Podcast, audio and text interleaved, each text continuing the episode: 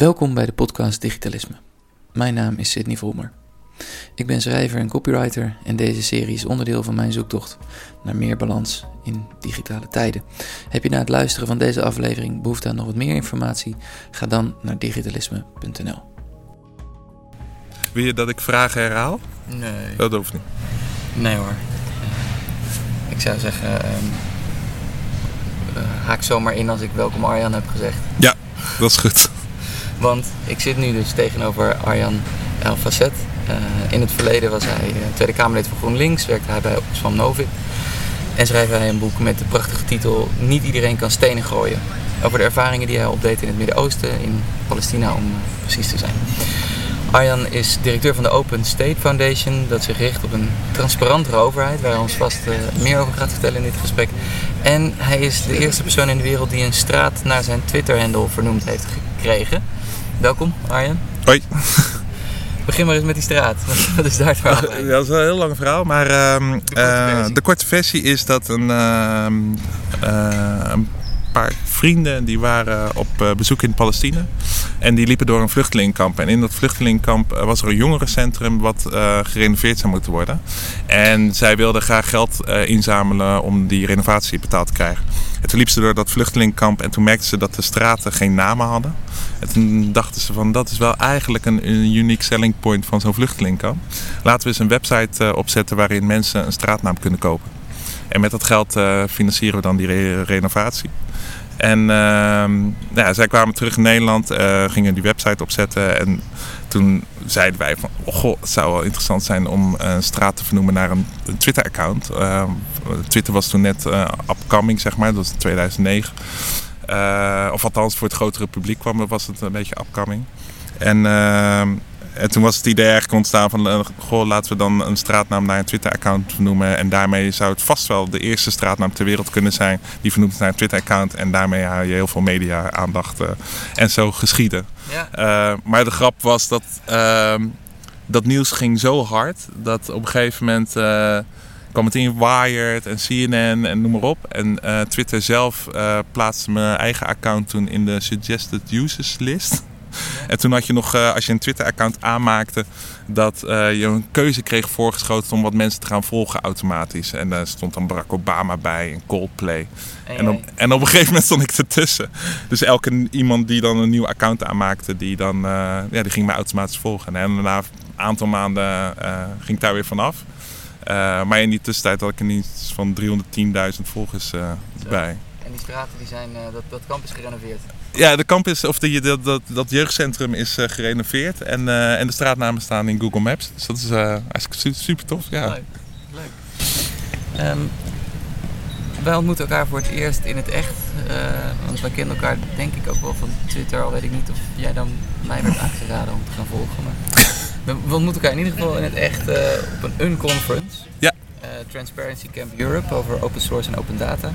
jij was, of jullie, zijn een van de organisatoren daarvan geweest. Dat is een conferentie waar mensen op de dag zelf een groot gedeelte van het programma bepalen.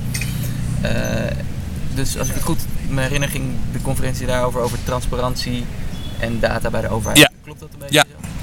Ja. Um, wat, vertel, vertel eens over wat het doel was. Heb je het doel bereikt ook daarmee? Nee, wij zijn zelf, uh, uh, zien wij heel veel waarde in overheidsinformatie. Hè? Dus de, de uh, overheden, dus, of dat nou ministeries zijn, of de Rijksoverheid, of gemeentes of provincie, die herbergen, verzamelen en hebben heel veel informatie. Um, en de meerwaarde van het delen van die informatie aan de samenleving of aan de maatschappij is dat je die informatie kan hergebruiken voor allerlei doeleinden. ofwel uh, om uh, uh, nieuwe apps te maken of business. Een heel Nederlands, typisch Nederlands voorbeeld. Nou, iedereen in Nederland heeft buienradar op zijn telefoon. Ja. in eerste instantie is buienradar gemaakt met KNMI data. KNMI is het Koninklijk Nederlands Instituut voor Meteorologische, of nee, het Koninklijk Nederlands Meteorologisch Instituut, wordt gefinancierd vanuit de overheid. En de KNMI is zijn data gaan ontsluiten. En uh, nou ja, als je die data dus uh, uh, combineert met een Google kaartje, dan heb je buienradar. En, ehm, en dat is een zelfstandige app en die verdient nu miljoenen. Ehm, maar het idee daarachter is dat die overheidsinformatie of oh, informatie wat vergaard of verzameld wordt met publiek geld, dat onder bepaalde voorwaarden, als je die deelt met de samenleving, er nieuwe, nieuwe dingen gemaakt kunnen worden. Maar die buienradar was iemand, de, de, de, mensen die dat hebben gedaan, dat, die waren als eerste van hé, hey, dit is openbare data, die mogen wij gebruiken en daar maken wij buienradar ja. van. Ja, inmiddels gebruiken ze ook wel betaalde data, zeg maar, uh, van Weather News of andere uh, satellieten. Maar dat is wel een, het, het idee. Dus, uh, of denk aan TomTom, die gebruikt heel veel overheidsinformatie. denk maar aan wegversperringen of fileinformatie of in hun kastjes. En dat is eigenlijk hergebruik van overheidsinformatie. Ze hoeven daar niet meer voor te betalen. Maar ondertussen zit op elke iPhone uh, zit een, uh, is het kaartje van TomTom. En is de informatie op dat kaartje komt binnen via TomTom. En als je dan op het i'tje drukt informatie, dan zie je een hele waslijst aan datasets van de Amerikaanse overheid, van de Nederlandse overheid, Europese landen. of dat nou file-informatie is van de Rijksdienst voor het Wegverkeer wat hergebruikt wordt. Of uh, wegversperringen. Of waar wordt er aan de weg gewerkt van Rijkswaterstaat. Dat, zijn eigenlijk, dat is allemaal overheidsinformatie wat hergebruikt wordt. Maar dat is uh, door commerciële instanties ja. gedaan. Dat lijkt me niks mis mee. Uh, maar je wil dat dit nu ook door de rest van ons gebruikt gaat worden? Of dat we dat, dat, we dat breder gaan doen, die overheidsinformatie? Ja, nou, kijk, wij, wij, wij in eerste instantie open data was heel groot in de geo, dus de geografische kaarten komt vooral ook vanuit uh, Europa die zei van ja, die, we, hebben we gebruiken allemaal uh, geografische kaarten uh, in, voor publieke dienstverlening. Laten we dat eens gaan harmoniseren. Dus er kwam ook echt een verplichting vanuit Europa om daar allerlei standaarden voor te doen en dat het open te stellen. Ehm, en dat ging met name ook over mobiliteit en dat soort zaken. En waar wij vooral op zitten is um, die overheidsinformatie die wat zegt over het overheidshandelen zelf. Ja, dus, dus transparantie. Ja, dus uh, kunnen we, kan de overheid niet wat meer informatie delen over wat ze nou de afgelopen jaren heeft gedaan? En uh, wat was het resultaat ervan? En hoeveel geld ging daarin om? Uh, omdat wij denken dat. Moet dat niet een, moet dat niet een persinstantie zijn? Is dat niet de rol voor de media dan? Wat je, jouw doel? Uh, nou, de, de, pers zou een grote hergebruiker kunnen zijn. We zien ook de, per, de, de media en journalisten ook als een uh, bondgenoot hierin. Mm -hmm. Alleen het verschil met de pers is dat nou ja, de journalistieke eigenschap is vooral. is ook een beetje exclusiviteit. Hè? Dus je wil als, nou ja, stel ik werk voor een krant, dan wil, wil ik dat ik voor mijn krant de scoop heb. Uh, dus je houdt dan informatie een beetje achter voor de rest, zodat jij als eerste kan zijn. En dat, dat, dat staat een beetje, of dat staat op gespannen voet met open data, waarbij je overheidsinformatie voor iedereen beschikbaar maakt. Ja, dus... Maar we zien wel dat pers uh, en media een bondgenoot is in, het, uh, in meer transparantie bij de overheid. Ja. Um, wat we ook zien is dat uh, steeds meer belangenbehartigers, of dat nou de Consumentenbond is, of natuur- en milieuorganisaties, of vakbonden, of uh, Vereniging voor Huizenbezitters, steeds meer overheidsinformatie eigenlijk zouden willen hebben om beleid te kunnen beïnvloeden. Ehm, en eigenlijk helpt dat ook de democratie. Dus op, op het moment, op het moment van, nou, we, we zitten aan de vooravond van verkiezingen. Maar, en, en kiezers worden geacht een geïnformeerde keuze te kunnen bepalen, zeg maar, uh, uh, bij verkiezingen. Maar hoe kan je een geïnformeerde keuze bepalen als we niet weten of niet goed weten... wat heeft deze regering nou de afgelopen vier jaar gedaan? Hoeveel geld is erin omgegaan in het overheidshandelen? Welke resultaten heeft het bereikt? Uh, welke inspanningen zijn daarvoor geleverd? En kunnen we aan de hand van overheidsinformatie de overheid verifiëren? Of wat de overheid zegt verifiëren? Uh, en uh, waarom is het uh, heel prangend en juist in deze tijd? Nou, kijk maar naar bijvoorbeeld referenda als in, met de Brexit. Er wordt heel veel fact-free politics bedreven. En ik denk dat de burger er gebaat bij is als ze op een neutrale manier een overheid of, of de politiek kunnen verifiëren. Ja, en tegelijkertijd heb ik het gevoel dat we in een soort van feitloze tijd terecht zijn gekomen waar er geen consequenties zitten aan het, aan het verspreiden van desinformatie. Ja, nee, dat klopt. Dus, dus het lijkt alsof, er, alsof we de rekening eerst nog gepresenteerd moeten gaan krijgen, zoals bij Brexit gebeurde, dat ja. de mensen daarna pas gingen googlen ja. waar hebben we eigenlijk voor gestemd. Ja. Voordat we gaan snappen, oh fuck, uh, dat geld van de NHS, dat geld wat naar de EU gaat, kan helemaal niet naar de NHS gaan. Ja. En dus ja, je ziet ook, uh, er is ook wel een, een, een debat binnen de open data of transparantiebeweging uh, ontstaan dat open data ook een beetje en open overheid uh, heel erg uitging van uh, overheden zijn bereid om samen te werken met nou ja, organisaties zoals de onze. En dat doen we ook wel, maar dan gaat het eigenlijk heel lief. Ehm, en je laat dan aan overheden zelf om te ontsluiten of te openbaren wat zij zelf willen. Maar er zit ook een andere kant aan. En daar gaat het, internationale debat een beetje over. Zijn we niet te lief geweest voor overheden als het gaat om transparantie? Ehm, en is het niet zo dat uh, de politiek pas reageert als er grote misstanden zijn? Zorgfraude of uh, nou, een bonnetjesaffaire. Dat pas dan de roep voor transparantie groot wordt. nou, nu, uh, gisteren was minister Schippers in het nieuws over hoe ze ehm, om fraude te bestrijden zorgverzekeraars gaat laten inzien in patiëntendossiers. Ja. Dat is nu het Ja. van hekel. Terwijl de echte fraude eh, veel groter is. Ehm, en de- bijvoorbeeld er weinig transparantie is over waar wij al twee jaar mee bezig zijn om bijvoorbeeld eh, prijzen van medische behandelingen openbaar te krijgen. Eh, daar doen men heel moeilijk over. Iedereen ziet dat er enorme prijsverschillen zijn. Nou ja, stel dat je een gebroken been hebt en je gaat daarmee naar een ziekenhuis in Groningen of een ziekenhuis in Rotterdam en je kijkt wat de verschillen zijn. Die zijn enorm voor dezelfde behandeling. En er zijn allerlei redenen voor, maar ehm, eh, in beide gevallen gaat dat bedrag af van je eigen risico. Eh, dus sommigen zeggen van ja, maar die prijzen zijn geen echte prijzen. Maar voor jouw eigen risico is het wel een echte prijs. En eh, men doet daar heel eh, benauwd over, over die transparantie. Want het zou zomaar eens uit kunnen dat er een een paar weeffouten in het zorgsysteem zitten. En ik bedoel, ik hoef eh, zeg maar niet het heel ideologisch debat te voeren over of we nou wel of niet naar een, eh, ziekenfonds eh, of, of marktwerking in de zorg nou wel of niet werkt. Maar op het moment dat je zegt van er is marktwerking en we willen graag dat patiënten keuzevrijheid hebben en premie- en belastingbetalers verplicht zijn zichzelf te verzekeren en verplicht zijn belasting te betalen, dan mogen we eigenlijk best wel wat transparantie verwachten daarover. En, en, maar dan ben je dus de luis in de pels voor een systeem. En heb je het lastig, kan ik me voorstellen. Ja, want de belangen zijn groot. Alleen als ziekenhuiszorg, dan praat je over 22 miljard op jaarbasis. Nou, stel dat je 1% rare dingen eruit haalt. Dan, dan praat je over grote bedragen. Met hoeveel zijn jullie? We zijn met z'n achten. En een deel is daarvan part-time. En je, ben, je wordt waarschijnlijk tegelijkertijd weer gefinancierd door de overheid. Eh, deels. Dus we hebben eh, onze financiering is, eh, we hebben een institutionele financiering van een familiefonds. En daarnaast hebben we een kleine subsidie van het ministerie van Binnenlandse Zaken. Maar dat is, helemaal, dat is wel gekoppeld aan projecten. Dat ging eigenlijk over het ontsluiten van financiële van de begroting en uitgaven van gemeentes. Ehm, eh, dus we, we krijgen wat subsidies heel erg op projectbasis. Ja. Ehm, en daarnaast eh, is het wel fijn dat je een, een soort institutionele financiering eh, weet, om- omdat het voor ons ook heel erg belangrijk is. Ehm, want we zijn heel lief met in samenwerkingen, maar je wil ook je onafhankelijkheid bewaren als zaken gewoon waar geen beweging in zit. Dus Maar je bent dan dus veel aan het lobbyen met z'n achter. ook, ja. En nou, eigenlijk zijn we. Er zijn, gebruiken een beetje vijf, nou ja, vijf methodes om overheidsinformatie te ontsluiten. Eén door samen te werken.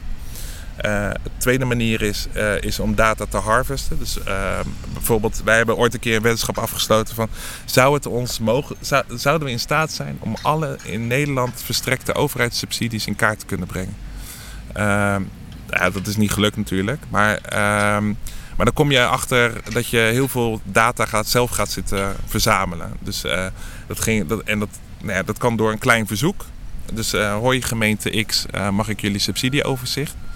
Ehm, en dat, dat werkt, dat kan, maar dat blijft nog steeds een enorme handeling om die data openbaar te krijgen. En wij gebruiken dat als voorbeeld van, kijk, als die data nou eenmaal open is, dan kan je er dit mee doen. Nou, eh, we hadden een toeltje gebouwd dat heet subsidietrekker.nl eh, op een vrije, nou ja, op een eh, namiddag. En een week later belde de Rijksauditdienst op en die zei, god, is wel verrekt handig, want nu kunnen wij ook zien dat sommige ontvangers niet alleen van ministeries subsidie krijgen, maar ook via gemeentes en vaak voor hetzelfde. En we hebben inmiddels wel een aantal ministeries erop aangesproken. En, zij zeggen, ja, de meeste eh, fraude bij subsidie vindt niet plaats door ontvangers, maar juist door een enorme lange keten van Europees geld naar een uitvoerder in Nederland bij een ministerie, naar een provincie, naar een gemeente en dan naar een ontvanger. En onderweg druppelt er nog wat. Ehm, en door die hele keten zeg maar, eh, via data in kaart te brengen, eh, kan je dus eh, dat, dat soort dingen laten zien. Ehm, en de andere manier is ehm, via lobby richting gemeenteraden en Tweede Kamer. Dat doen wij ook. En een andere manier is om via juridische procedures. En daarmee, nou ja, dat is die zorgzaak is daar een, een, een voorbeeld van. Dat wat begon met een verzoek op basis van de wet openbaarheid van bestuur. Wij wilden de data uit de grootste database waar gedeclareerde zorgkosten in stonden. Uh, en we wilden daarvan de prijzen en het aantal keren dat de medische behandeling uh, gebeurd was. En uh, dat is inmiddels twee jaar geleden en in november gaan we naar de Raad van State. Of dan is de zitting bij de Raad van State. Dus dat is een, al die zorgdeclaraties. Ja, dus dan ga je in beroep, gingen naar de rechtbank in Amsterdam en vervolgens zitten we nu bij het hoogste orgaan, namelijk de Raad van State. En, en heb je dan een tegenstander daarin die zegt van nee, dat mag helemaal niet, want X en Y? Of? Ja, en het is een beetje een vreemde tegenstander. Het is de Nederlandse Zorgautoriteit. Uh, dat is eigenlijk een toezichthouder, maar ook tegelijkertijd marktregulaar. Dus die, ja, die zit een beetje in een raar. Die heeft, eh, heeft twee taken. Die moet en toezicht houden op de zorg, maar die moet ook zorgen dat de markt functioneert. Ja, die twee zaken is, ja, die zijn zo met elkaar verweven dat ze eigenlijk uh, moeite hebben dat er ineens een partij opstaat zoals wij, die gewoon zeggen: kom maar door met je data. Uh, want informatie, en dat merken we heel vaak bij heel veel zaken, is uh, informatie is macht. Nou, we zien ook bij, in landen waar bijvoorbeeld de aanbestedingsdata ontsloten wordt, dat de kostenbesparingen die daar met, met eigenlijk met transparantie, dus ofwel door verkeerd besteden bedragen in kaart te brengen en, en dat ook te kunnen aanpakken. Dat er de kostenbesparing, maar ook een tijdsbesparing, want uh, je kan dus makkelijker informatie vinden. Uh, is eigenlijk, ja, dat, dat levert de samenleving al, uh, al veel op. Los van de kwaliteitsverbetering van. Ja, maar je bent ondertussen natuurlijk wel tegen de bierkaai aan het vechten. Of het nou de Nederlandse ja. Zorgautoriteit is Klopt. of een ander soort initiatief. hoe, is dat nog leuk? Of waar, waar, hoe lang is dat nog leuk? Zeg maar? Word je niet een soort van gedeprimeerd van dat je denkt, verdomme, ik, ik probeer hier iets goeds te doen. En... Ja, de, nou, daarom is het belangrijk dat, dat je wel beweging blijft zien. En uh, ik, weet nog dat, uh, dat was voor mijn tijd dat ik directeur was, maar toen organiseerde onze voorloper Hek de Overheid een hackathon in 2009. En de tweede prijs werd gewonnen door een jongen, die heet Stefan de Koning. En die ergerde zich rot aan de Kamer van Koophandel en het handelsregister, die s'nachts gewoon dicht was. Dus de website was s'nachts dicht en hij deed zijn boekhouding altijd s'nachts. En dan was het handig om een KVK-nummer op te zoeken. Uh, en uh, uit frustratie daarop heeft hij een scraper gebouwd waarmee hij de website van het Kamer van Koophandel screepte en eigenlijk parallel daaraan die data wel s'nachts open had. En hij merkte ineens dat hij eh, bezoekers uit allerlei landen kreeg die op zoek waren naar bedrijfsinformatie. Um, en hij bood die data gewoon gratis aan, want hij zei: Ja, Kamer die krijgt gewoon publiek geld. Het is een openbaar register, waarom zou die data niet vrijgen? Nou, inmiddels leven we in 2016, uh, eh, zeven jaar na dato. Uh, en die data is nog steeds niet openbaar, omdat er een soort verdienmodel op zit. Uh, die niet meer van deze tijd is.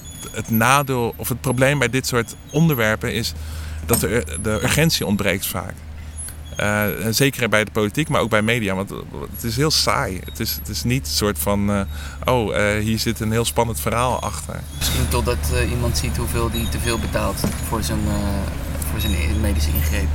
Ja, nou, ja, op het moment dat wij voor alle behandelingen in kaart kunnen brengen wat de prijsverschillen is, dan, dan, kan je er gewoon een bedrag aan koppelen. En dan weet je dat op jaarbasis de prijsverschil, het is het hoogste bedrag en het kleinste bedrag, zeg maar, voor een uh, gebroken been zoveel is. En als je weet hoeveel behandelingen er zijn geweest, ja. nou, dan, uh, dan, dan, dan, dan wordt het ineens bedragen waarvan je afvraagt of dat nou of dat nou terechte bedragen zijn die we met z'n allen betalen. Want het is wel collectief, hè? Ja, maar tegelijkertijd uh, even een ik zit me voor te stellen hoe ik dan als uh, ziekenhuisbestuurder naar zo'n initiatief zou zitten kijken. En dan zou ik zeggen, ja, maar je kan niet die prijs met elkaar vergelijken. Want bij ons is het op manier X ingericht en bij dat ziekenhuis manier Y. Uh, en dan maak je misschien meer kapot dan dat je probeert te repareren. Door... Ja, dus nou, sommige mensen... die, ja, is niet een heilig Nee, het is, geen, het is geen doel op zich.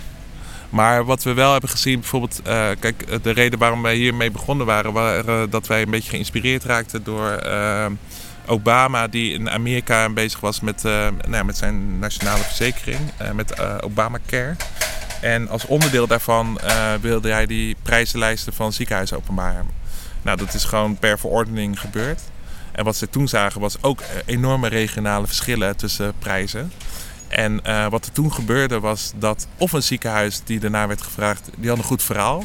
Omdat we afgelegen liggen, omdat wij gespecialiseerd zijn in bepaalde zorg, een bepaalde duurdere zorg. Of dat wij weinig medische specialisten hebben en daardoor is die zorg duurder. Uh, dus of ze hadden een goed verhaal, of ze hadden geen verhaal. En als je dan geen verhaal hebt, dan kan je er wat aan doen. Ja. Uh, dus ja, hoe ik naar transparantie kijk, is niet zozeer uh, hoe vaak journalisten er naar kijken van... oh, we gaan uh, even iemand ter verantwoording... Na de onderste steen boven en we hopen dat er een minister over struikelt. Dat, of er moet afgerekend uh, worden. Ehm, de manier waarop ik naar kijk is, nou ja, dat zou je ook wel herkennen. Op het moment dat je met je, toen ik aan het studeren was en met mijn scriptie bezig was... Ehm, en het klaar was, heb ik mijn scriptie aan wat medestudenten laten lezen. En dat is best wel eng, want je legt iets van jezelf in handen van wat medestudenten die jou misschien nog helemaal niet kennen. Uh, en, die, en vervolgens jouw scriptie gaan lezen. En dat, was helemaal, ja, dat, dat is dan eng. Uh, vervolgens gaan zij die scriptie lezen en van commentaar voorzien en uh, van die rode strepen erdoor. dat was nog in de tijd voor Word. En ik heb volgens mij nog mijn scriptie in Word Perfect geschreven. Ehm, maar in ieder geval, op het moment dat je je scriptie terugkijkt met al die rode strepen en commentaren, dan krijg je een soort knoop in je maag. Want dan schrik je helemaal de pleuren. Maar als je het dan gaat lezen en je ziet wat die commentaren zijn en je ziet wat de verbeteringen zijn, je stuk wordt er alleen maar beter van. En zo kijken wij naar transparantie. Dus uh, nou ja, uh, in het geval van de overheid, doordat zij de informatie meer delen met elkaar en meer mensen gaan naar kijken, de kwaliteit van de informatie wordt beter. Je krijgt feedback op die informatie. Uh, maar de kwaliteit van je dienstverlening en publieke dienstverlening, of de manier waarop je je geld besteedt, wordt ook beter. Ja. En uh, waar, waar, waar het veel moeite kost bij de overheid, is in veel gevallen niet eens de techniek, maar is, nou, ik, ik schat zo 70, 80 procent is cultuur.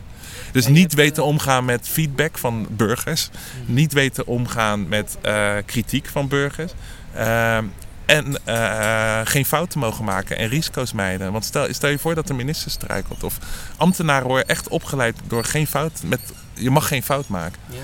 Uh, ja. ja. maar zo hou je wel innovatie tegen. Zo, hou je, ja, en zo kan je niet open met mensen gaan praten over bepaalde zaken. Ik heb ergens een stukje van je gelezen op, op je Medium blogpost, geloof ik. Een Medium blogpost. Uh, met het volgende citaat, wel relevant is hierin. De overheid heeft structureel te weinig oog voor het belang van informatie, informatiemanagement en informatiebeheer. Dat is de kern van het probleem. Bij de inrichting van samenwerkingsprocessen moet informatiebeheer daarom het vertrekpunt zijn en niet het sluitstuk. En er moet hierover tussen de betrokken partijen voldoende afstemming zijn. Tegelijkertijd ligt ook overarchivering op de loer. Juist omdat er zo weinig aandacht is voor informatiemanagement, worden er geen afgewogen keuzes gemaakt over archiveren en wordt er meer bewaard dan nodig en toegestaan is. Dat leidt tot extra kosten voor opslag en beheer, Bovendien werkt het ongeoorloofd gebruik in de hand van gegevens die er eigenlijk niet meer horen te zijn. Voor dit taaie probleem sluit je dan af, uh, zijn er geen pasklare oplossingen.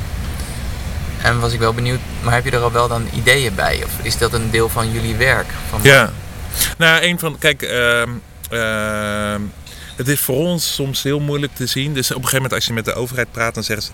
Ja, maar welke informatie wil je dan hebben? En welke informatie moet dan open? En dan eh, zeggen wij meestal, maar we weten niet wat je hebt.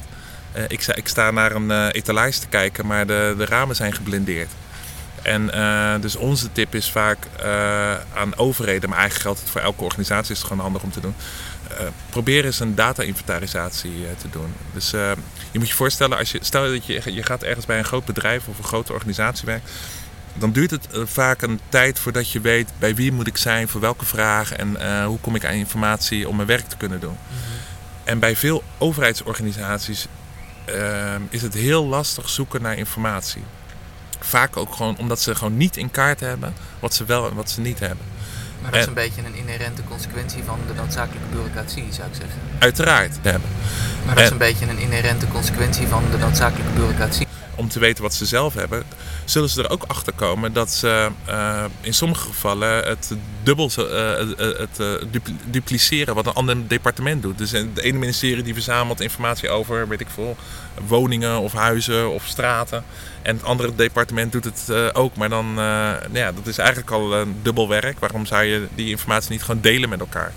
Ehm, en waarom zou je dat niet delen met de hele samenleving? Ja, en dat laatste denk ik ook dat dat interessant is. Je noemde het net even in een bijzin uh, voor grote organisaties. Ik denk dat het heel fijn zou zijn voor, voor veel meer mensen als we inzicht krijgen in de data die er over ons geaggregeerd wordt door Spotify, Facebook, Google, noem maar op. Nou, sterker nog, uh, wij hebben bijvoorbeeld uh, een hergebruikverzoek gedaan naar het meldingenregister van de autoriteit persoonsgegevens.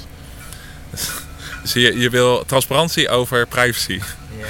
Uh, het meldingregister van autoriteit persoonsgegevens is, daar moeten bedrijven en uh, overheden die uh, persoonsgegevens verzamelen en verwerken, die moeten dat melden bij de autoriteit persoonsgegevens. En wij hebben gezegd, kan dat meldingenregister niet openbaar, want dan kunnen we eens even kijken welke overheden nou iets gemeld hebben. En voor clubs als Bits of Freedom of andere zou, is, het, is dat interessante informatie. Want dan krijg je een palet van alle organisaties die persoonsgegevens verwerken. Uh, uh, bij sommige bedrijven zal je daar niet achter komen. Maar dit is al zeg maar, waar transparantie privacy eigenlijk beschermt. Wat, wat, wat is dan, dan het antwoord op? Nou, kijk, eh, de, de, de discussie is vaak van uh, transparantie en privacy gaan niet samen. En wat wij daar tegenover stellen is, ja, maar als je teruggaat in de tijd en kijkt naar de universele verklaring van de rechten van de mens, uh, waarbij uh, het recht op privacy en het recht op vrije meningsuiting en het recht op informatie eigenlijk in die combinatie burgers beschermt tegen machtsmisbruik. En of dat nou van overheden zijn of bedrijven, doet er eigenlijk niet zoveel toe. Uh, maar deze drie rechten samen uh, moeten je in staat kunnen stellen om machtsmisbruik te voorkomen. En dan... zou de AP ook voor open staan voor dat argument? Ja, dus zij, zij hebben ook die data ontsloten. Dat wel? Ja. Zag je rare bedrijven staan of rare instanties? Nou, de data was niet zo heel erg schoon. Maar uh, uh, wat wij nog niet gedaan hebben, maar wat, uh, wat je eigenlijk zo zou kunnen doen, is ehm, als je zou weten eh, wat alle overheidsorganisaties zijn, dat weten we eigenlijk niet. Daar zijn we ook achter gekomen. Dus we weten, er is geen lijst met alle overheden in Nederland. Sommige overheden die staan in de KVK, uh, eh, of in het handelsregister. Sommige overheden, daar zijn lijstjes van. Uh, maar er zijn, weet ik veel, we weten niet eens hoeveel gemeenschappelijke regelingen, want dat zijn samenwerkingsverbanden tussen verschillende gemeentes, hoeveel daarvan zijn. En schattingen lopen tot, uh, van 400 tot, uh, tot 1000. Maar, dit is een... maar als je dus niet weet wat de overheid is, kan je dus ook niet. nou ja, wat we zouden willen is bijvoorbeeld in dat meldingenregister kijken. Welke overheden staan er nou in? En, en hebben alle overheden gemeld? En mag je als burger niet verwachten dat de overheid uh, zich houdt aan de, de, regels die ze zichzelf stelt. Maar dit is een kwestie van tijd, toch? Ja, ja. Want dit is scrapen dat uh, als jullie het niet doen, dan doet volgend jaar doet er een, uh, een, een, andere programmeur. Of, ja. Of... ja, maar de trend nu is, en, en daar, is, daar raakt transparantie privacy deels, is dat je een trend ziet dat overheden het privacy als schijnargument gebruiken om niet transparant te zijn. Ja, je hebt geschreven, wij als Open State Foundation vinden dat het privacy-argument te vaak wordt misbruikt om te voorkomen dat mensen zich goed kunnen informeren over overheidshandelen. In plaats van voor richt het privacy-argument zich nu tegen burgerrechten.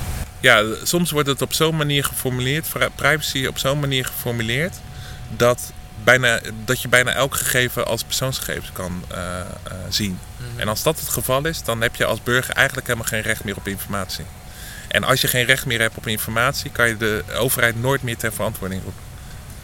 Oké, okay, terug naar dat dus het, het, ja, het klinkt een beetje filosofisch, maar ik zal je een voorbeeld geven. Ja? Dus um, er bestaat een database met alle landbouwsubsidies. En daar staan uh, naam van het uh, boerenbedrijf, de hoeveelheid landbouwsubsidies uh, die ze hebben getoucheerd en het jaar en voor welke, vanuit welke regeling. Nou, vanuit uh, om de overheid te kunnen controleren is het handig om te weten waar hun subsidies naartoe gaan. Want het is publiek geld, dat moeten we kunnen controleren. We hebben een, uh, die, die data staat online. Dus je kan online zien eh, naam van het bedrijf en, en het bedrag. En we hebben een, toen een hergebruikverzoek gedaan van mogen wij deze data als bulk in plaats van in een, een of andere doorzoekbare tabel Want dan, kan je eens gaan kijken naar ehm, relaties zeg maar, tussen verschillende subsidies. En, nou ja. en dat werd afgewezen. Onder het mom van ja, maar sommige boerenbedrijven die hebben de naam van de boer in hun bedrijfsnaam staan. En, uh, is herleidbaar, en dus herleidbaar tot de persoon. Uh, en dus is het privacy en dus mag je het niet hebben. Terwijl het wel online staat. Uh, dus de vraag is van ja, maar uh, is, worden we nu tegengewerkt vanuit het privacy uh, oogpunt? En was het niet zo dat die informatie uh, openbaar moest vanuit, ook vanuit Brussel gedacht en ook vanuit Nederland gedacht? hier, hier heeft de weging transparantie is, is een, hoger, nou, wordt zwaarder gewogen dan de naam van een bedrijf. En op het moment als je die data wil gebruiken, dan wordt er gezegd: nee, maar dat is privacy, dus persoonsgegevens. En, ehm, en loopt dit nog of is dit nu. Nee, dat, lo dat loopt nog. hetzelfde geldt. Waarom is het handelsregister nog niet ontsloten? Eén is omdat er, de Kamer verkoopt daar een verdienmodel op. Dus elke bevraging van informatie kost je geld. en tegelijkertijd zeggen ze: ja, maar er zitten ook heel veel ZZP'ers in en, en dus privacy. Tegelijkertijd weten we ook dat als jij dus heel veel geld neerlegt, en banken en verzekeraars doen dat, die hebben uh, toegang tot de, de, hele handelsregister. Dus als je maar genoeg geld voor betaalt, hoezo dan privacy? Dus als je er geld voor betaalt, krijg je het wel. en als je het hergebruikt wil hebben, dan komt ineens privacy om de hoek maar kijken. Dit, dit, is toch een super helder argument wat je morgen. Ik, ehm, waar box je tegen op als zo'n helder, nuchter argument, uh, meten met twee maten, niet aansluit? Wat, wie, wie, wie, voor wiens deur moeten we dan een tentje gaan zetten? Nou, eh, wij zeggen dat de oplossing ligt bij de wetgever. Dus ze hebben nu gezegd, of eh, in de wet staat nu, als je kijkt naar het College van Bescherming Persoonsgegevens, die zegt, ja, als de mogelijkheid er is om informatie te herleiden naar een persoon, dan mag dat niet. Of dan mag je er niet, niks mee doen. En wat wij zeggen is, misschien is het feit dat jouw adres te vinden is online niet het probleem. Maar is het uh, probleem dat op het moment dat ik met jouw adres jou gaat spammen het probleem. Dus in plaats van dat je gaat kijken naar de mogelijkheid dat ik uh, oneigenlijk gebruik maak van die informatie. Of het oneigenlijk hebben van die informatie. Of mo moeten we niet meer naar wetgeving toe die het handelen met die informatie als strafbaar ziet. Ja, en een tussenoplossing misschien zou nog zijn, wat ik van uh, een eerdere aflevering van Niels van Hoorn leerde, een uh, programmeur, is dat Apple bezig is met differential privacy. Ik weet niet of die term iets zegt, maar daarbij ehm, vervuilen ze een database op zo'n manier door de, door de toevoeging van toeval, ja. dat de data zelf schoon blijft, maar niet meer herleidbaar is tot. Ik geloof daar niet zo in. Ik denk dat uh, wij worden. Hebben best wel lang gewacht met een, uh, een, een, mening te vormen. Of nee, niet, niet lang gewacht om een mening te vormen. Maar we hebben heel lang nagedacht over open data, transparantie en privacy. En de grap is dat heel veel mensen uit de open data beweging privacyvoorvechters zijn geweest. Of althans, die komen uit de hoek van de privacybeweging. Ik zelf ook. Alleen ik zie nu juist de, de kracht zeg maar, van de, de combinatie van recht op informatie, privacy en vrijheid van meningsuiting. Uh, kijk maar naar Facebook en uh, het verwijderen van foto's van, die Vietnam, van dat Vietnam meisje. dan, dan raak je de vrijheid van meningsuiting. Kijk naar hoe iedereen zeg maar, WhatsApp bijna aan het uitzetten is. Omdat ze bang zijn dat hun persoonsgegevens worden hergebruikt. En kijk naar het, hoe weinig transparant een Facebook is als men vragen stelt. Dus, dus die combinatie van die drie gaat ons wel helpen als burger. En pseudo, pseudonymisering of anonimisering van data ik zou nooit, en, en de, onze beste programmeurs zouden nooit een garantie geven dat deze data volledig anoniem is. Want ofwel met een beetje inspanning, ofwel met heel veel inspanning, kan je met uh, verschillende combinaties uiteindelijk er toch wel achter komen. Ik bedoel, als jij me nu een uitdaging geeft van vind me een adres op internet, dan hoef ik niet per se het handelsregister te hebben hoor. Maar dan vind ik het wel op een andere manier. Maar, maar het feit dat jouw adres ergens verstopt op internet staat, hoeft niet per se strafbaar te zijn.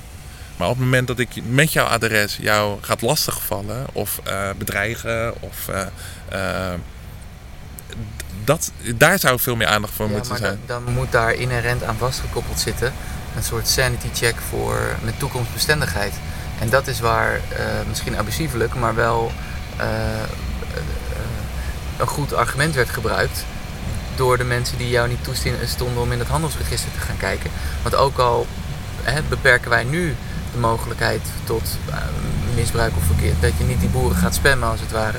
Ik weet niet wat, uh, wat voor backup jouw programmeur hier heeft uh, gedraaid ervan en die die boeren alsnog, weet ik veel, door een of andere militante dierenbeschermende organisatie gaat lastigvallen op basis van. Ja, maar dan, moet, dan, maar dan, dan moet je. die persoon wel schadelijk. Of die, die Ja. persoon is, is, is eh, aan te pakken of laakbaar of wat dan ook. Maar die, de mogelijkheid ertoe is geschapen door dat die data ontsloten is geworden. Nou, misschien eh, zou de overheid dan op het moment dat zij een subsidie verlenen, eh, dat jij als eh, subsidieontvanger ergens moet aanvinken dat je bewust bent dat op het moment dat jij een subsidie vraagt bij de overheid, dat daarmee ook bekend wordt aan wie die subsidie wordt verleend. Ja. En daarin is het denk ik niet alleen voor die boer zelf, maar voor sommige initiatieven ook gewoon buitengewoon onhandig als duidelijk is dat daar overheidssubsidie naartoe is gegaan. Dat kan. Ja. dan, dan, want dus, ja. Maar het is publiek geld, hè? Dus eh, aan de andere kant, ik bekijk. en eh, wij zeggen niet dat dat. eh, noem je dat? Wij, wij hebben daar geen panklare oplossing voor. Maar ik denk dat de panklare oplossing ligt in het debat hierover. En op dit moment voeren we niet een debat over waar liggen nou de grenzen. Eh, dus bijvoorbeeld, om een voorbeeld te geven, in Zweden kan jij de belastingaanslag van je buurman zien. En eh, het argument daarvoor eh, wordt eh, door de Zweedse overheid gezegd van ja, zelfs als iemand, dus, die trekken eigenlijk dat subsidieverhaal door naar de individu. Dus op het moment dat jij subsidie aanvraagt, kan bekend worden dat jij dat gedaan hebt. Of, of dat op het moment dat de subsidie verleend wordt, dat dan bekend is aan wie zij subsidie verlenen. Geldt ook overigens voor aanbestedingen. Ehm, maar als je dat doortrekt naar de individu, dus op het moment dat ik een uh, hypotheekrente aftrek heb, eh, gebruik ik ook publiek geld. Dus je belastingaftrek is eigenlijk Maar publiek geld. moet je dat weten van je buurman volgens Zweden? Eh, omdat zij vinden dat eh, de besteding van overheidsgeld eh, transparant zou moeten zijn. Hmm. Maar kijk, in, maar, maar, maar in Zweden is daar een maatschappelijk debat over gevoerd. En men vond in Zweden, of de dat samenleving in Zweden, dat dat oké is. Eh, ik, ik zeg niet dat dat in, ik zeg niet dat dat eh, voor Nederland zou moeten gelden. Want ik ben daar eigenlijk niet zo'n grote voorstander voor. Eh, omdat dat, dan, dan kom je echt heel dicht op de individu eh, te staan. En je kan nog wel meer afleiden uit je belastingaangifte dan alleen eh, je hypotheekrente. Ehm, maar het feit dat je wel zo'n maatschappelijk debat houdt over wat vinden we nou met z'n allen? Vinden we dat eh, overheidssubsidies transparant moeten zijn? Vinden we met z'n allen dat de prijzen van medische behandeling openbaar moeten zijn? Ja, en hoe Vinden ik, we hoe met- ik daar ook een beetje naar kijk, is dat we een beperkte hoeveelheid aandacht hebben om uit te geven.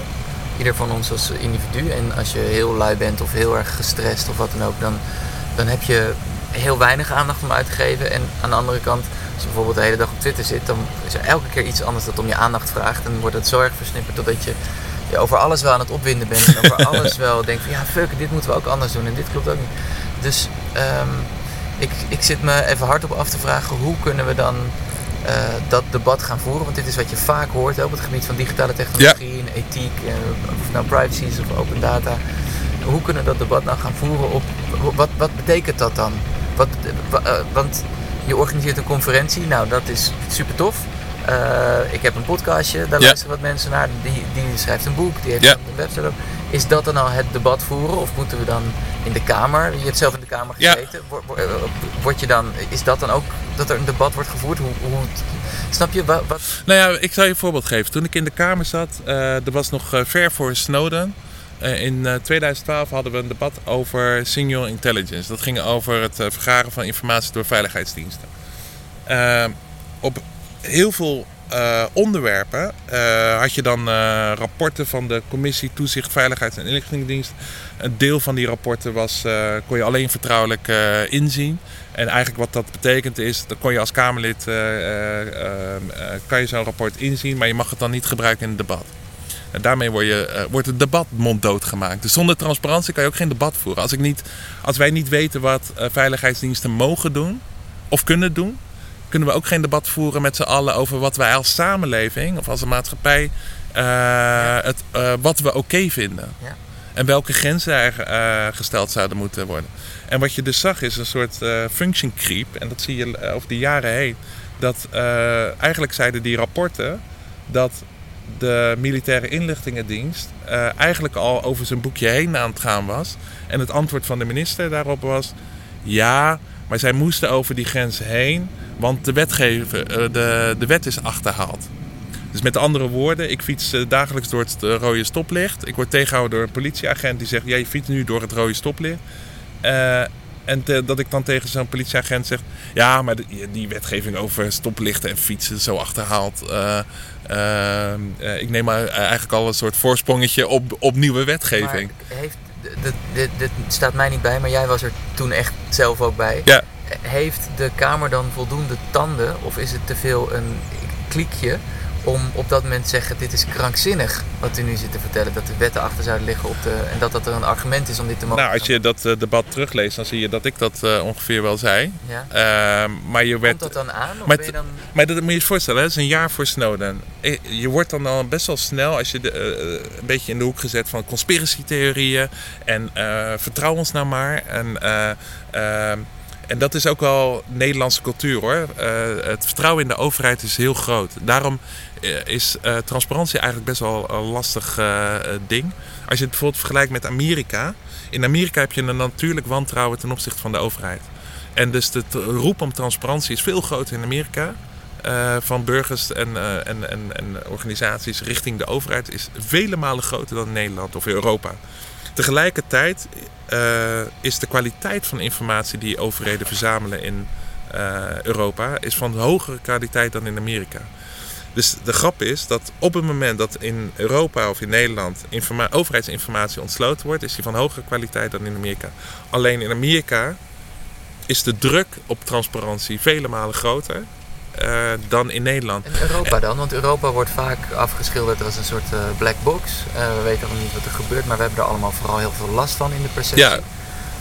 Is het daar anders gesteld? Nou, ik denk dat je die crisis, zeg maar, en, en Brexit is daar een voorbeeld van, maar het Oekraïne-referendum is daar ook een voorbeeld van. dat mensen, dat, zeg maar, de overheid gaat nog steeds uit van, nou, vertrouw ons nou maar, wij weten wel wat goed voor je is. En, je, en de digitalisering, wa- wat die bereikt, is dat eigenlijk mensen gewoon mondiger worden en zelf eh, informatie willen vinden. En niet, op, eh, niet wachten tot de overheid naar hen toe komt met informatie, maar al zelf ofwel al een mening vormen, ofwel eh, her en der informatie vergaren en daarop een mening vormen, ofwel gewoon zonder feiten een mening vormen. Maar het vertrouwen in die overheid, als, als de overheid niet snel wat meer opener wordt, die brokkelt gewoon af. Als niet- al niet is afgebrokkeld. En ik denk, als je naar verkiezingen en peilingen kijkt, dat eh, de middenpartijen die, eh, nou ja, die, die gaan wel last krijgen van het gebrek en het eh, nou ja, achterblijven van vertrouwen in de overheid. Dat betekent, dat- is dat kwalijk? Nou, ik denk dat daar zijn wel oplossingen voor. Maar het, is echt, het gaat heel erg over de relatie tussen burgers en overheid. En, Ja. waarom be- en eh, die relatie is makkelijker te tackelen dan de relatie tussen consumenten en bedrijven. Eh, omdat, ja, bij, ik, ik- er is een wet openbaarheid van bestuur en die geldt niet voor bedrijven. Dus daar, bij bedrijven heb je meer consumentenkracht en macht. Eh, maar ja, als je ingezogen bent in Facebook, hoeveel consumentenmacht heb je dan nog? Dat is ook een vraag. Nou, ik, was, ik ben een paar weken geleden dan van, eh, van WhatsApp afgegaan en dat, dat is me bovenmatig goed bevallen. De eerste dag was het paniekerig en ik, ik mis echt nog wel wat leuke Ja. groep, groepsgesprekken. Maar ik vind het nog veel leuker om met eh, om vrienden te zien verschijnen op, eh, op eh, Telegram of op Signal, Signal. ja. Ja. Signal Ja, wij zijn volledig overgestapt op Signal. En dan zat ik met de vraag: oké, hoe ga ik nou mijn. eh, we hebben een soort familie-app, eh, familiegroepje op WhatsApp. En de hockeyclub en de voetbalclub zitten op WhatsApp. En hoe krijg je die mensen nou zover om die overstap te maken? Maar ja, ik denk dat het op dezelfde manier gaat als eh, destijds met. Eh, eh, ik ben op een gegeven moment overgestapt van Hives naar Facebook. Omdat mijn hele familie en eh, vooral mensen die in Amerika hadden gestuurd op Facebook zaten. En dan maak je die overstap. En, en de, de grote gros kwam volgens mij nadat uh, Hives was overgenomen door de Telegraaf. Dat mensen dachten, doei. Nou, dat, ik, ik denk dat dat een factor zou zijn. Ik denk dat een ander factor is, en dat is een mooie golf waar we met Of ICQ of MSN. Ieder, die, al die bedrijven hebben dat een keer meegemaakt. Ja, is, is dat we de vrienden die ik nu zie overstappen en zie verschijnen op, eh, op Signal, zijn, zijn, die zeggen, dat is, iemand zei het laatste afgelopen weken mooi, ja, ik, eh, ik heb de, net het boek van de Dimitri Tokmetsis en Maurits Martijn eh, eh, zitten lezen, zegt hij, en het is, het is gewoon fucked up, maar we zitten echt in een kutsituatie. En het, het klopt gewoon niet. Ja. Het klopt gewoon niet wat we aan het doen zijn. Dus ik ga nu naar. Ik, hij is daar vanaf. En, en ik zie dat meer en meer gebeuren. Het zou me Ik niet verbazen als mensen ook weggaan bij Facebook. Nee, zeker. Ik, ik heb het nog een paar maanden. Ik maak me dan wel zorgen over de tractie die het heeft naar de dingen die ik publiceer, zoals de podcast Ja. of de stukken die ik op Medium Ja. publiceer. Want dat is ja, voor alle nieuwsbronnen in Amerika is het geloof ik bijna de helft van hun eh, bezoek. Zo niet Maar dat is een afweging die je zelf kan maken. Hè? Ja, ik kan het doen omdat Ja. ik in mijn eentje ben. Maar voor een krant, die Noorse krant die eh, dat Vietnamese meisje die foto publiceerde. Die, die eh, ja, heeft niet voor niks die open brief gepubliceerd. Maar het, het frame of reference waar ik meer in zit, is... ehm, eh, we zijn eh, voor de mensen die graag wat ethischer willen eh, dat er met, hun- met hun geld wordt omgegaan. De mensen die geen kiloknallers en plofkippen meer kopen. De mensen die niet meer roken of heel beperkt roken. Dat zijn volgens mij de mensen die snappen dat je op een hygiënische manier met je data Ja. eh, en je digitale Ja. burgerrechten om moet gaan. En, en dat, dat is het gevoel dat ik een beetje heb dat het gaat gebeuren. Eh, en je hebt een voorhoede die eh, die stap neemt, zeg maar. ja. Ik zou het zonde vinden als ik dit moment niet ook zou gebruiken om het heel even over jouw eh, Midden-Oosten tijd te hebben. We hebben al een beetje een uitstapje naar Amerika gedaan en naar Europa.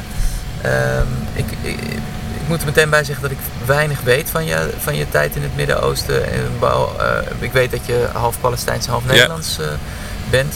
Ehm, hoe verhoudt in jouw hoofd de, de kweeste waar je je nu voor hebt gesteld zich tot problemen in het Midden-Oosten of tot het Israël-Palestina-conflict? Zijn wij niet nu een soort van aan het muggenziften ten opzichte van een miljoen vluchtelingen in Libanon en een hysterische crisis met vluchtelingen die naar Europa willen komen en geen opvang in de regio of nauwelijks? En een soort van nieuwe koude oorlog tussen Sunni en Shia Ja. moslims. Hoe, hoe, hoe, hoe zie je die twee dingen? Eh, ja, ja, kijk, eh, toen ik in het Midden-Oosten zat, eh, was het ja, eh, jaren 90, of eind jaren 90. En ik ging uit Nederland weg met het idee, Nederland is af. En, en zo keek ik ook naar mijn achtergrond. Hè. Dus ik had een nou ja, Palestijnse vader en Nederlandse moeder. Maar het voelde alsof ik een tweeling had, eh, waarvan de een wat zieker is eh, dan de ander. En dus eh, automatisch geef je dan meer aandacht aan het zieke kind. Met het idee van misschien kan ik hem helpen. En, en lo- los ik dat, dat soort onheimisch gevoel van ik moet daar iets mee. Dus dat, met, zo'n, met dat gevoel ging ik naar het Midden-Oosten. Ehm, en nou ja, dat was in een periode na het, een beetje in het vredesproces. Maar er was echt van alles aan de hand. Ehm, en wat mij verbaasde was dat op het moment dat je over democratie ging praten of over eh, eh, vrede, dat men toch wel een beetje keek van ja, dat zijn toch wel westerse termen. Eh, en als ik vroeg, maar wat weet je nou over de Palestijnse autoriteit? Of wat weet je over wat er met jouw leven wordt gedaan? Hoeveel invloed kan je daar nou zelf op uitoefenen? Toen ontdekte ik ook wel de kracht van informatie en de kracht van informatie voor mensen zelf en de toegang daartoe. En, eh, en moet je je voorstellen, ik zat daar in de tijd. Nou, Hotmail eh, was net opgericht, eh dat was 96. En ik werkte bij een van de drie organisaties in de Westbank die überhaupt een website hadden. En, eh, ik werkte in eerste instantie bij een onderzoeksinstituut die eh, veel opiniepeilingen deed. En ook heel veel onderzoek naar corruptie bijvoorbeeld. Later heb ik bij de eerste ombudsman in het Midden-Oosten gewerkt. En deden we ook heel veel onderzoek rond persvrijheid. En, en hoe Palestijnen door Palestijnen werden behandeld in de gevangenissen bijvoorbeeld. En daar zag je toegang tot informatie was eigenlijk de rode draad die daar doorheen. Nou, niet alleen toegang tot informatie en de vrijheid van meningsuiting. En, uh, en daarnaast werd ik gevolgd door veiligheidsdiensten. Uh, en als ik dan aankwam uh, in Tel Aviv, dan werd ik eruit gehaald op basis van mijn achternaam. En dan kreeg ik een scherm te zien. En dan werd ik ondervraagd door zo'n geheime dienstpersoon. Kreeg ik een scherm te zien en dan zag ik alle ID's van mijn hele familie voorbij komen. en dus dit, die combinatie privacy, recht op informatie, vrijheid van meningsuiting en het nieuwe internet, wat toen echt net, weet je ik, was in mijn studie al bezig met internet. Maar ik, bedoel, ik denk dat een beetje mijn generatie is een beetje, hè, het, begon met hotmail en dat soort uh, dingen. En dat je dus uh, eigenlijk ook super aan het pionieren bent uh, op dat vlak. En ik dacht, ja, ehm, als je dus afhankelijk bent van westerse media in zo'n gebied, heb je nu ook niet de kracht van informatie en de kracht met internet dat je voorbij uh, redacties kan met vooringenomenheid over hoe ze vanuit met een westerse bril naar dat conflict kijken.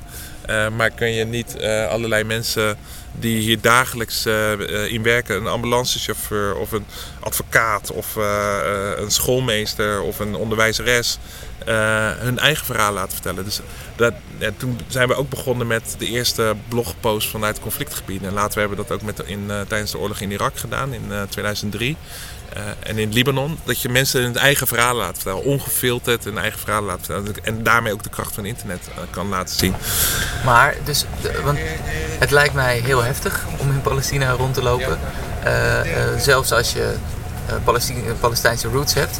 Omdat ik dan ook zie als wel doorvoed, westers opgevoed iemand van... Jezus, er is hier echt een hele hoop rotzooi aan de hand. En er moet hier echt een hele hoop gebeuren. En het is is een deplorabele staat, deze autoriteit. Alles is relatief. Dus eh, op een, toen ik op een gegeven moment na mijn Midden-Oosten tijd bij Novib uh, en Oxfam ging werken. En vervolgens uh, in Darfur terecht kwam in Afrika. Toen dacht ik, oh ja, er zijn ook nog wel ergere dingen.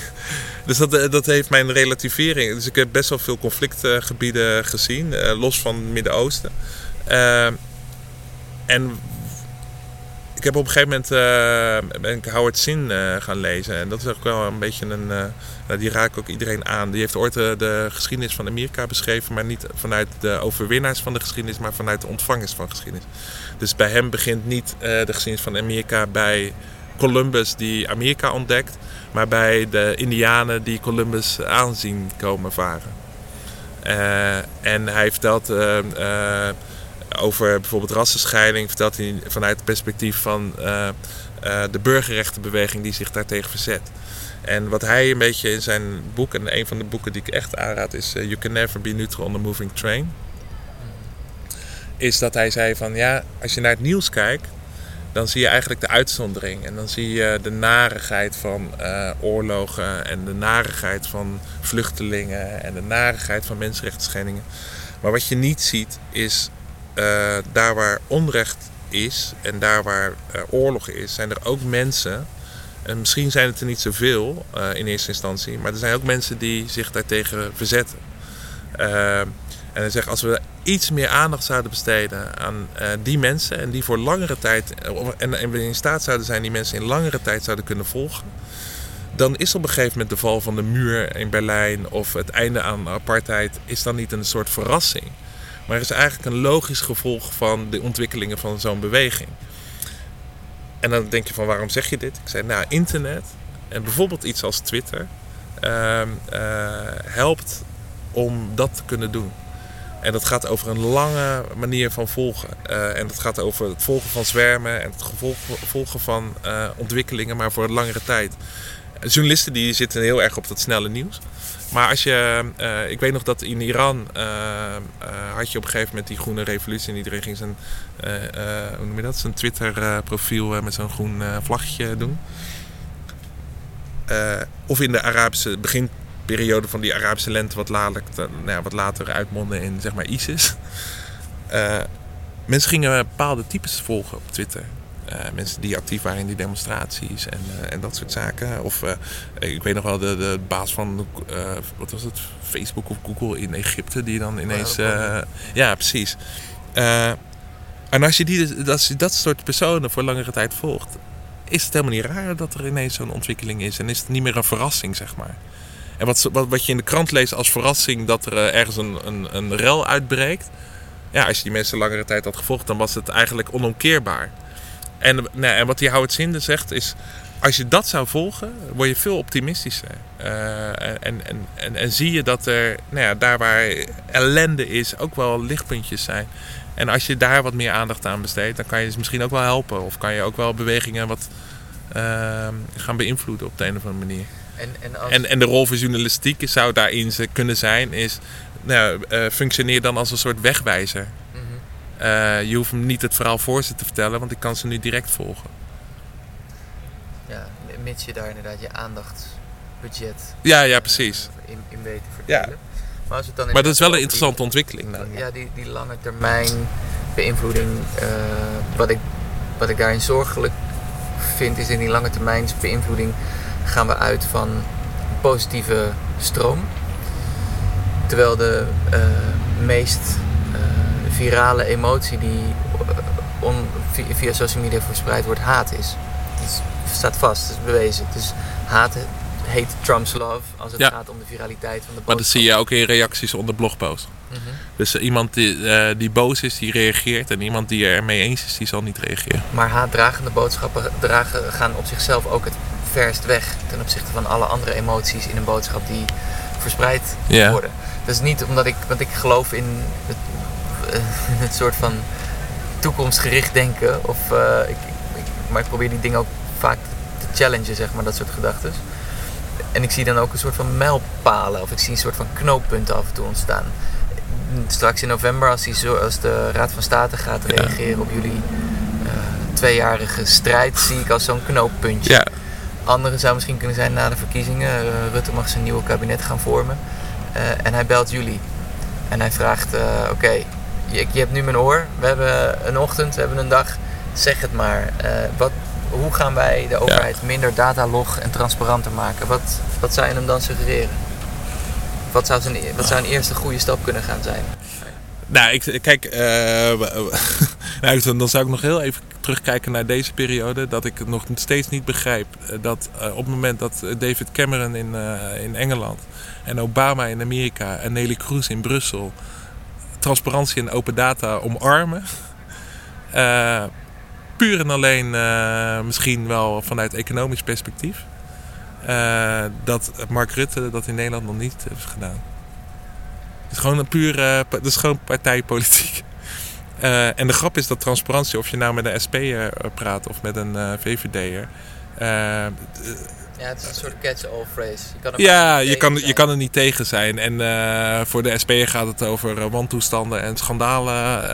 en terwijl de VVD denkt van, nou, die buienraad, dat levert hartstikke veel geld op. super interessant. Zou jij nu weer de Kamer in willen als je bellen straks? Als Jesse Klaver belt en zegt... Nee. Nee. Nee, ik heb er wel over getwijfeld.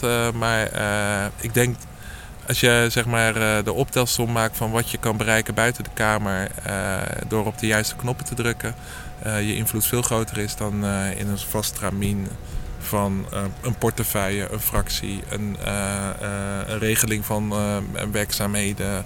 Dat je eerst een meerderheid moet hebben om überhaupt ergens een debat over te kunnen voeren. Dat je op het moment dat je een vraag stelt er zes weken moet wachten. En dat je dan ja, je invloed eigenlijk beperkt is. Als ik zie wat wij met acht man uh, kunnen doen. Uh, en wat voor invloed we eigenlijk kunnen uitoefenen. Gewoon op iets heel bazaals.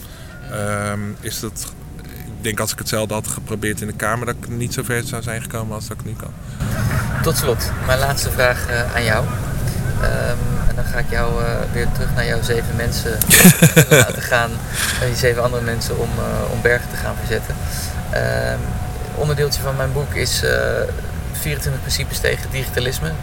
Kwalijke uitwassen van digitale technologie, CQ, hoe wij daarmee omgaan. Ik had ze eerder al eventjes gestuurd. Maar is er hier eentje bij die, die ik mis? Of, of, of e-, eerst is er eentje bij die je te gek vindt en is er iets bij waar we zeggen, ja, dit mis ik, dit zou daarbij moeten staan. In dat rijtje.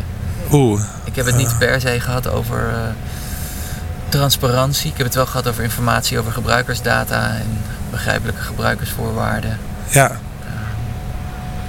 de linkerrijtjes en de vrijheden om anoniem en onzichtbaar te zijn, ook in de openbare ruimte. Nou, die uh, goed geïnformeerde volksvertegenwoordiging digitale zaken zou wel helpen, denk ik.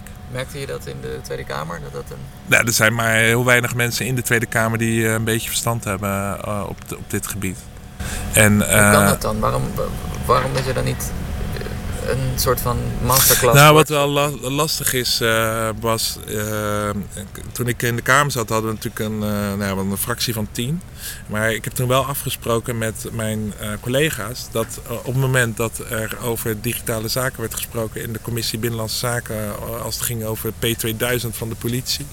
Of op het moment dat er bij Binnenlandse Zaken werd gesproken over openbaarheid van bestuur.